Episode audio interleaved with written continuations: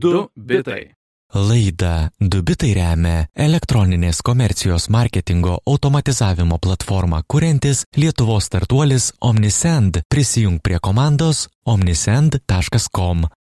Sveiki klausytojai, čia laida Dubitai, kurioje kaip ir kiekvieną savaitę taip pat apžvelgsime svarbiausias technologijų naujienas, mujuojame tiems, kas žiūri mūsų vaizdu. Nežinau, kodėl tai žmonės daro radijoje, bet daro. Aš Lukas Keraitis, čia Jonas Lekevičius, labas Jonai. Mū. Mū. Na gerai, tie, kas mato vaizdą, dabar žino, kodėl Jonas mūkė. Aš šiek tiek panašus į, į karvutę šiandien. Bet ne apie tai. Šiandien, šiandieną turim daug naujienų, pačių įvairiausių iš viso pasaulio. Pradėsime nuo naujienų, kurias pririnkau apie chat GPT ir apie tai, kas su juo yra daroma, kadangi, na, išėjo šitą technologiją, apie ją kalbame, bet kartais norisi nusileisti ant žemės ir kur jinai panaudojama, kas su ja veikiama, tai nuo to ir pradėsiu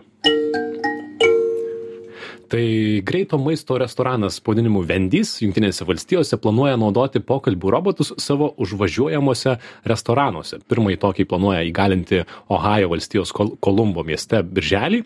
Žodžiu partneriuoti planuoja su Google, kurdami pokalbių robotą, reikės privažiuoti, kalbėtis ir užsakyti, ar tai ten koksai maistas vendija būna, nežinai? Burgeriai. Burgeriai? Taip, bulvytės. Taip, reikės be abejo tam pokalbių robotui suprasti, kas yra čyzas, kas yra mhm. frai ir kitokie žargonai, kas nėra labai lengva, ar ne? Ir komentuotojai yra pasiskirsti, ar tai yra gera idėja, galbūt geriau nei dažnai paniurę tokiose pozicijose dirbantis paaugliai, o galbūt bus vargas kaip su savitarnos kasomis ar užsakymais. Tai... Galbūt žmonės žinodami, jokie kalba su čia GPT sakys vietoj to, kokio burgerio nori, parašyk man haiku apie, apie sumuštinį. Įdomu, kiek turės kantrybės dirbtinis intelektas išklausyti visus tos noriu. A, a, ir kažkas ten gale automobilio kalbasi. E, pastebėjo internautai taip pat Amerikoje, kad McDonald's tokią technologiją testuoja jau kurį laiką Čikagoje. Tik tokeriai daro apie tai tik tokus, nepatenkinti, kad sako, labai dažnai prieima prastai užsakymus, netgi vieno tyrimo, netgi sako vienas tyrimas, kad keturi keturi iš penkių užsakymų yra tiktai teisingi, tai vienas iš penkių būna neteisingas, kas, kas labai labai daug. Bet e, ar mes pasiruošę visą klientų aptarnavimo patirtį perduoti botams?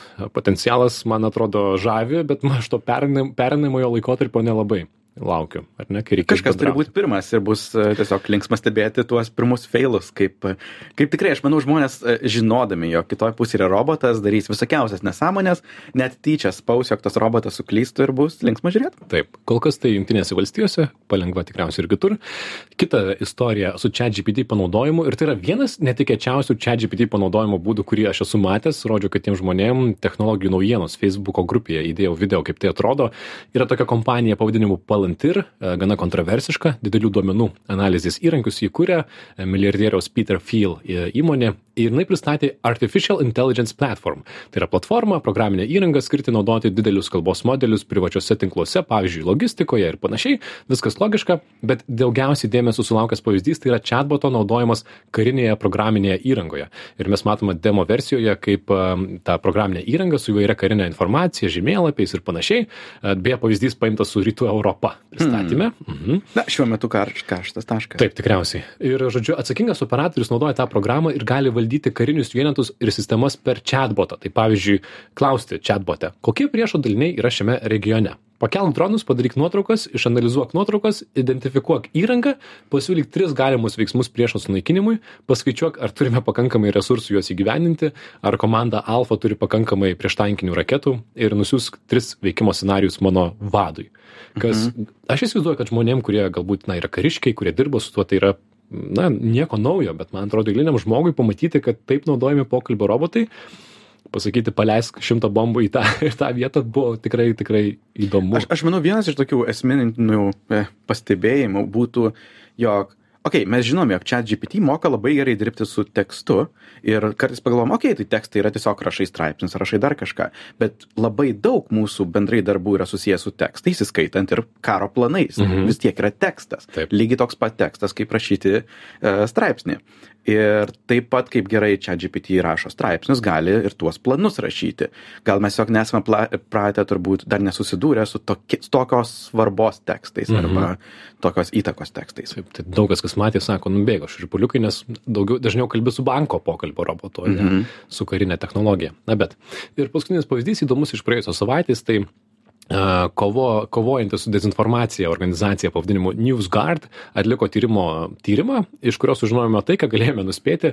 Jie atrado beveik 50 m, žurnalistais apsimetančių pokalbio robotų arba interneto svetainių, kurias iš esmės valdo dirbtinio intelekto sukurtos, na, ter, turi, turinio, form, turinio fermos tai iš tikrųjų yra. Tai yra puslapiai kuriuose yra gaminamas turinys dideliais kiekiais ir tai yra puslapiai apie politiką sveikatą aplinką technologijas ar ką tik tai nori būtų ir ir taip siekiama gauti pelną tai yra naudojami pokalbio robotai generuoti turiniui prieš kelias kelias laidas pasakojom apie CNET, tokius virtualius žurnalistus, kur kolegas, kurių nemato tikri žurnalistai, mato tik tai, štai šis žmogus jau parašo 50 straipsnių per dieną ir jis rašo tokius pačius straipsnius kiekvieną dieną. Taip. Ir turbūt tokių puslapių darosi vis daugiau. Taip, tai šią akimirką yra už odegos pagauta tai, apie ką kalba visi, kad štai yra puslapiai, kurie kepa uh, turinį labai greitai vardant reklamų.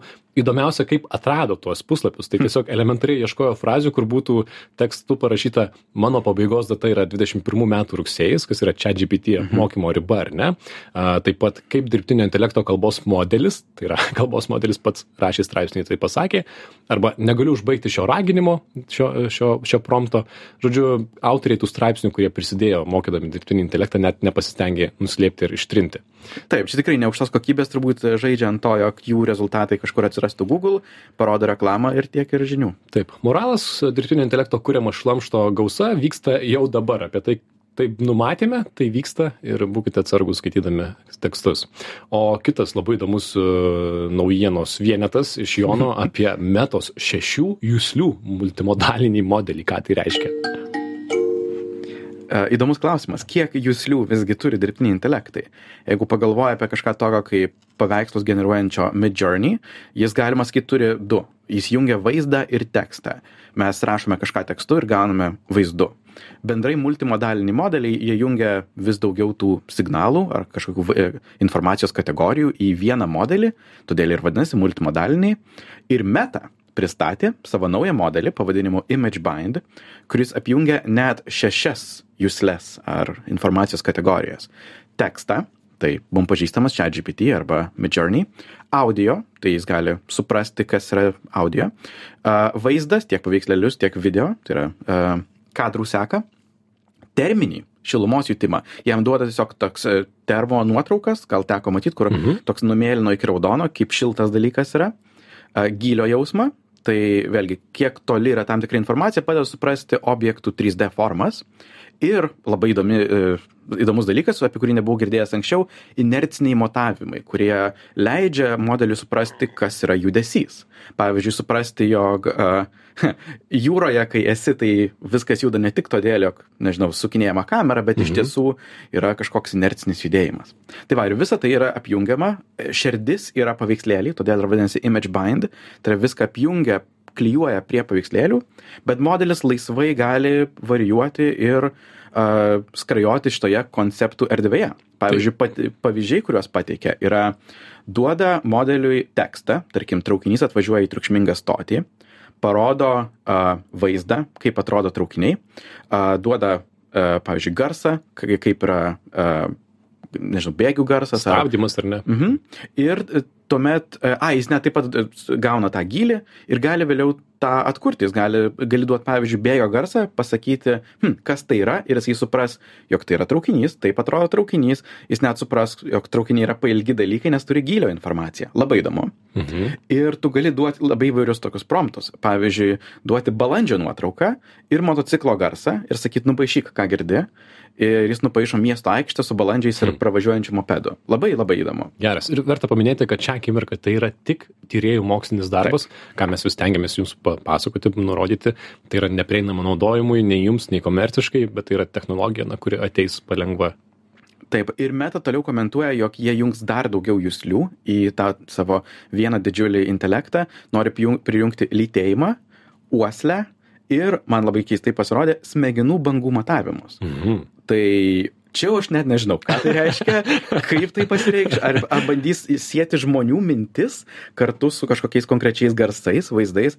Wow. O galbūt medicininė informacija kažkaip tai bus panaudojama, nes jau vien tas gylis ir šiluma man išduoda, kad tai galbūt bus skirta naudoti pramonėje, ar ne, mhm. galėtų būti panaudojama gamyklose ar dar kažkur, kur Taip. um, vaizdas mato, kad kažkas šyla per daug ir gali tau parašyti, ei, uh, tas katilas keista. Eik. Aš bendrai girdėjau šiuo metu mokslininkų teorijas, jog norint atrakinti sekantį žingsnelį, kas yra toliau už kalbos modelių, um, raktas slypi būtent multimodaliniuose. Taip. Jog jeigu išlipsi vien tik tai iš teksto ir pradėsi jungti vaizdą, garsus, tai atrakins sekančią evoliuciją. Taip, mes apie tai kalbėjome ne kartą ir elementariai, jeigu pavyktų apjungti chatbotus su kalendoriumi, skaičiuotuvu, ką mes kalbėjome, taip pat yra tų pavyzdžių, bet jeigu tai būtų naudojama kasdieną, ar ne, jeigu galėtų mano pokalbio robotas pasiekti mano kalendorių, mhm. mano užrašus tai jau būtų didelis. Ir tai yra multimodaliniai modeliai jeigu dar neišgirdote. O kita naujiena dėl kurios jonas taip pat visai apsidžiaugęs ir tai yra tai ką mes minėjome jau prieš kiek prieš pusę metų apie slaptarakčius. Taip. Tai žino žinojote visi žodį slaptažodis dabar dar kartelį jeigu nežinote susipažinkite su žodžiu slaptaraktis nes google leis prisijungti prie guglo su jais prieš kelias dienas google paleido tuos slaptarakčius paskeys visoms google paskyroms įskaitant ir tavo mielas klausytojau. Gali nueit tiesiog į paskyros nustatymus ir įsijungti paskeys jie net šiuo metu labai akivaizdžiai padaro kaip tą mygtuką surast nes nori jog visi pasibandytų kaip tai atrodo. Pabra tą mygtuką paspaudus paprašant įsijungti tavęs paprašys kažkokiu būdu autentifikuotis su savo prietaisu. Jeigu jame yra kažkoks biometrinis prisijungimas pavyzdžiui pirštų antspaudas kompiuteryje tarkim arba veido nuskaitymas telefone tai paprašys būtent to arba jeigu neturi tiesiog kompiuterio slaptažodžio ir tai sukuria tą slaptaraktį. Tai yra raktą kuris yra išsaugomas tavo pačio prietaise telef e, kompiutery arba telefone. Ir vėliau iš to paties prietaiso leidžia prisijungti prie google nebenaudojant slaptažodžio. Tiesiog suvedi savo vartotojo vardą galbūt palieti pirštų skaitytuvą ir viskas. Tu jau įėjai į google. Jokių slaptažodžių jokių ten šešių skaičių kodų nieko. Viskas tiesiog veikia. Um, tai pats tą išbandžiau labai patogu yra keletas žvaigždučių apie kurias galiu trumpai paminėti jog dar šita patirtis tikrai nėra tokia jau super a, sklandi ir be jokių sutrikimų bet bet pirmi žingsniai yra labai patogūs iš tiesų. A, mhm. visi tie sutrikimai yra susiję su tuo kur kabutėse yra laikomas tas raktas.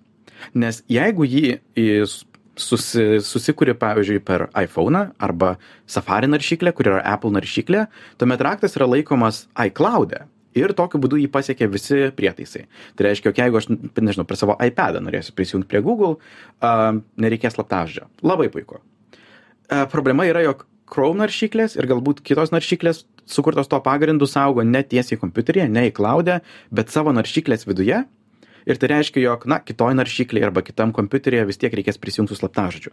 Tai dar toksai žingsnelio trūksta Taip. jog tas raktas būtų sinchronizuojamas. Taip, na, aš pats dar neišbandžiau, labai, labai smalsu, čia tas slaptaraktis yra tas, kas buvo vadintas slaptažodžio žudiku, ar ne? Nes, na, kriptografiškai tai neva yra saugiau, ar ne? Joms, Žymiai saugiau. Taip, tai, tai, tai yra saugiau. Jeigu joms pasakė, tai ir aš patikėjau dabar, bet, bet ne, iš tikrųjų tai yra saugiau, e, paprasčiau, e, bet tuo pačiu gaila, kad ne iki galo veikia ir mhm. jeigu tai veiktų prisijungiant prie visur, prie Facebook, prie dar kažkur, tada sakyčiau, ojoj, viskas supaprastėja ir sulengvėja. Esminis dalykas, kodėl tai yra žymiai saugiau, yra, jog šitie slaptažodžiai slaptarakčiai nėra sukurti dalintis.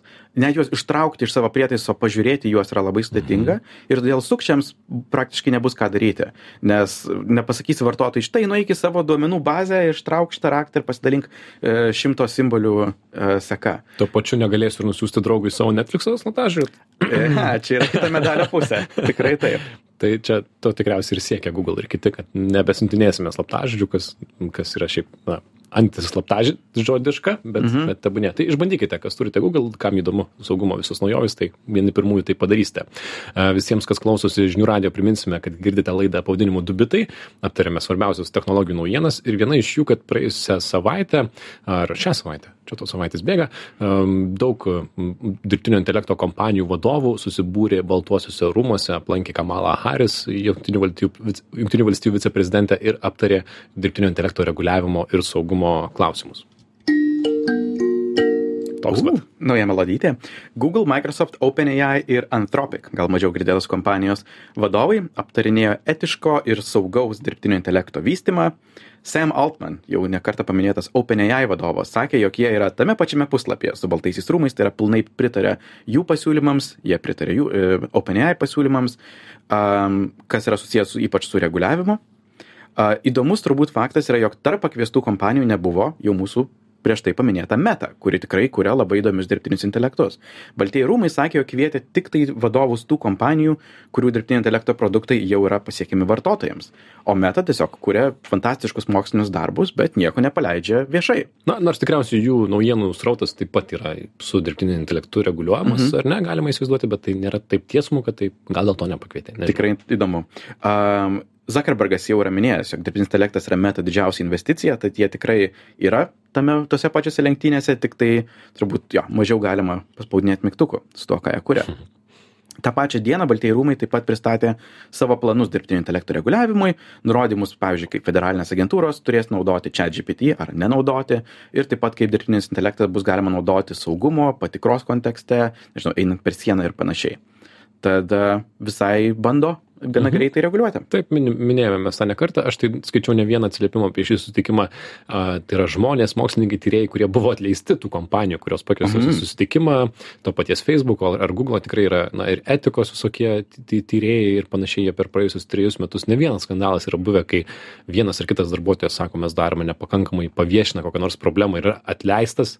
Ir tai jie dabar Twitter'e rašo, kad kviečiate tuos žmonės, kurie kuria, kurie kuria problemą, o ne mhm. sprendimus. Tai, na, tokia, šia, tokia, šiokia tokia kritika. Be abejo, baltiesiams rūmams irgi tam tikras jau prestižo klausimas pakalbėti šitą temą, nes, nes visi apie tai kalba. Tikrai taip. Mano šiaip bendrai komentaras būtų apie tą, vat, e, Sam Altman komentarą, apie tai, jog jie pritarė baltųjų rūmų tikslams reguliuoti uh, ir užtikrinti saugų dirbtinio intelektų pro, produktų paleidimą visuomeniai, kaip jie iškėlė kaip tikslą.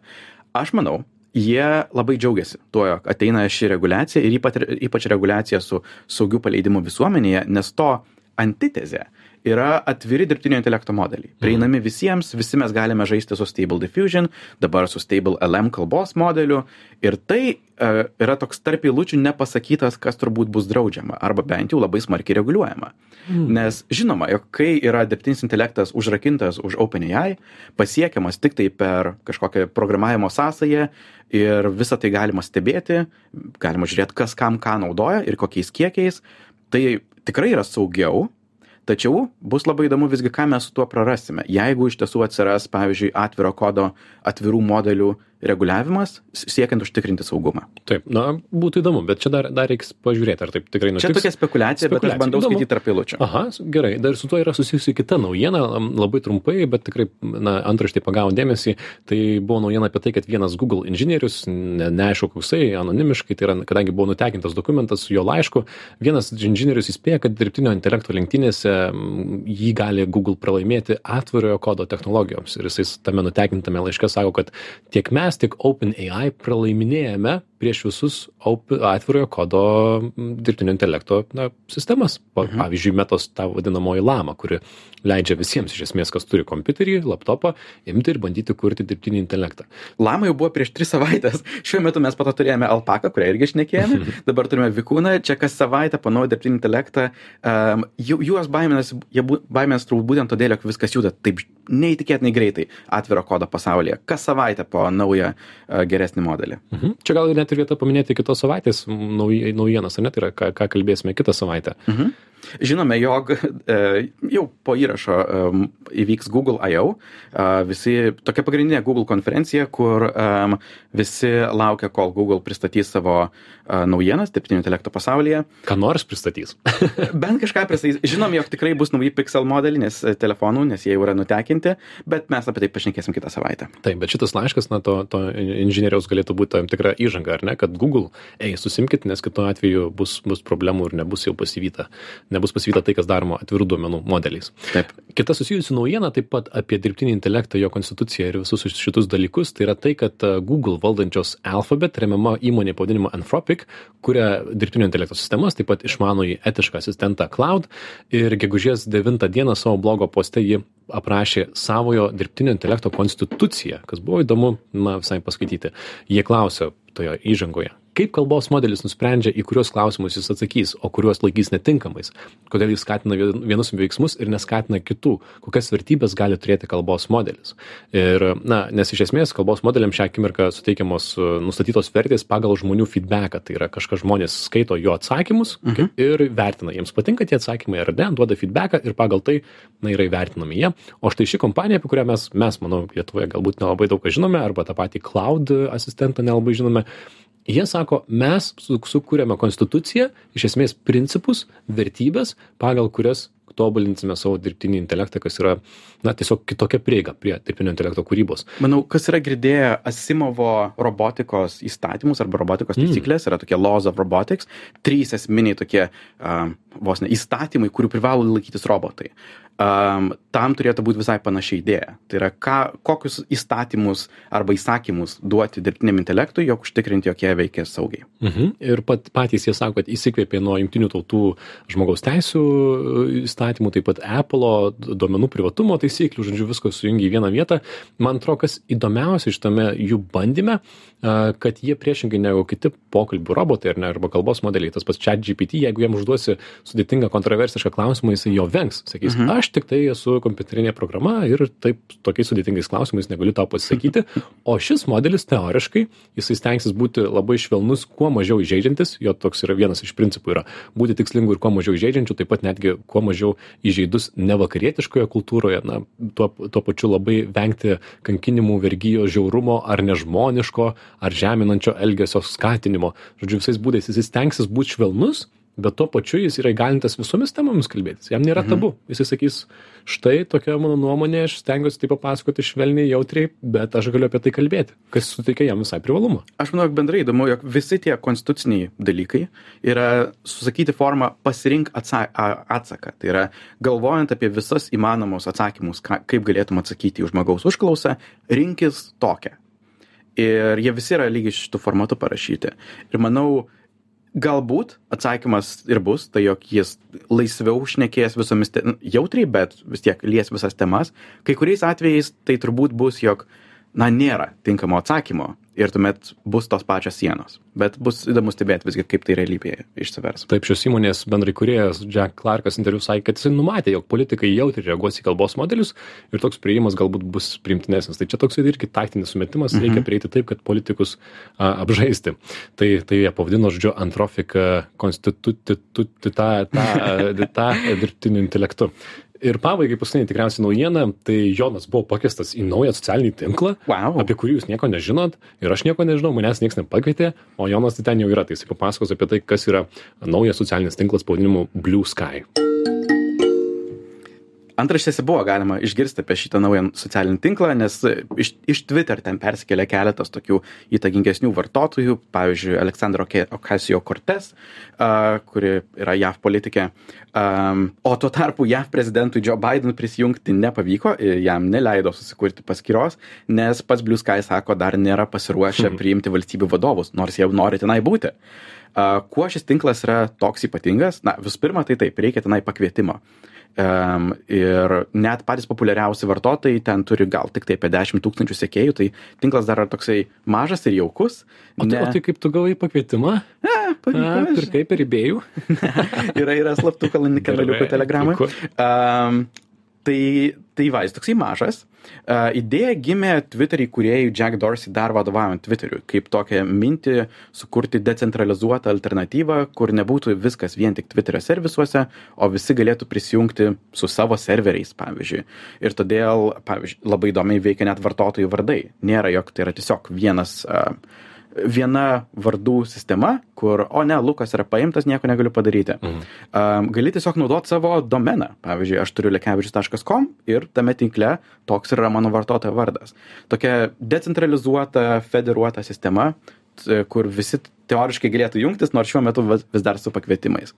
Manau, kodėl jis toks populiarus, jis yra labai panašus į Twitterį, visos tos pačios funkcijos, tos pačios ikonos, a, tačiau jis yra Twitteris tiem, kam patinka Twitter, bet nepatinka Elonas Muskas. Ir, aš, ir tiesą sakant, daug kas net prognozuoja sėkmę būtent todėl, jog visus jau yra užknisęs mūsų dažniausiai aptariamas, aptariamas milijardierius ir a, nepatinka, ką jis daro su Twitter, tai kraustosi į kloną. Labai įdomu, be abejo, man atrodo, tie- tiek tų naujų socialinių tinklų atsiranda, kol jie nauji, tai visą laiką yra įdomu būti vienam pirmųjų ir išbandyti. Nors to pačiu, iš to, ką papasakai, manęs tai nepapirko, kaip ir dauguma naujų socialinių tinklų, na jie sunkiai jiems sekasi pasiūlyti kažką naujo, bet jeigu jums patinka būti vieniems pirmųjų, tai na, nežinau, iš tikrųjų, ar ne, įbėjoje pardavinėja prisijungimus. Nerek nerekomenduojama pirkti, bet mačiau, kad galima. Vau, Taip, okei. taip, taip, na, visi nori būti pirmi, ar ne, visi nori būti kaip Jonas, kažkur patikti pirmie. Tai žodžiu, jeigu kažkas ypatingo vyks, mums Jonas, Jonas reportuos. O šiandien matyt, matyt jau bus e, tiek, yra mūsų tokia Facebook grupė technologijų naujienos, kars nuo karto ten dar įdedame papildomos informacijos, dubitai.com, ten visos mūsų šaltiniai ir, ir visi, visi įrašai. Mūsų klausykitės, kur patogu per Spotify ir kitas tinklalandžių programėlės, žinių radijos svetainėje žiniųradijas.lt. Čia buvo Lukas Keraitis, Jonas Lekevičius, laida Dubitai. Sakome iki kitos savaitės. Čiau, čiau. Mū. Mumu. Du bitai. Laidą Dubitai remia elektroninės komercijos marketingo automatizavimo platformą kuriantis Lietuvos startuolis Omnisend. Prisijung prie komandos omnisend.com.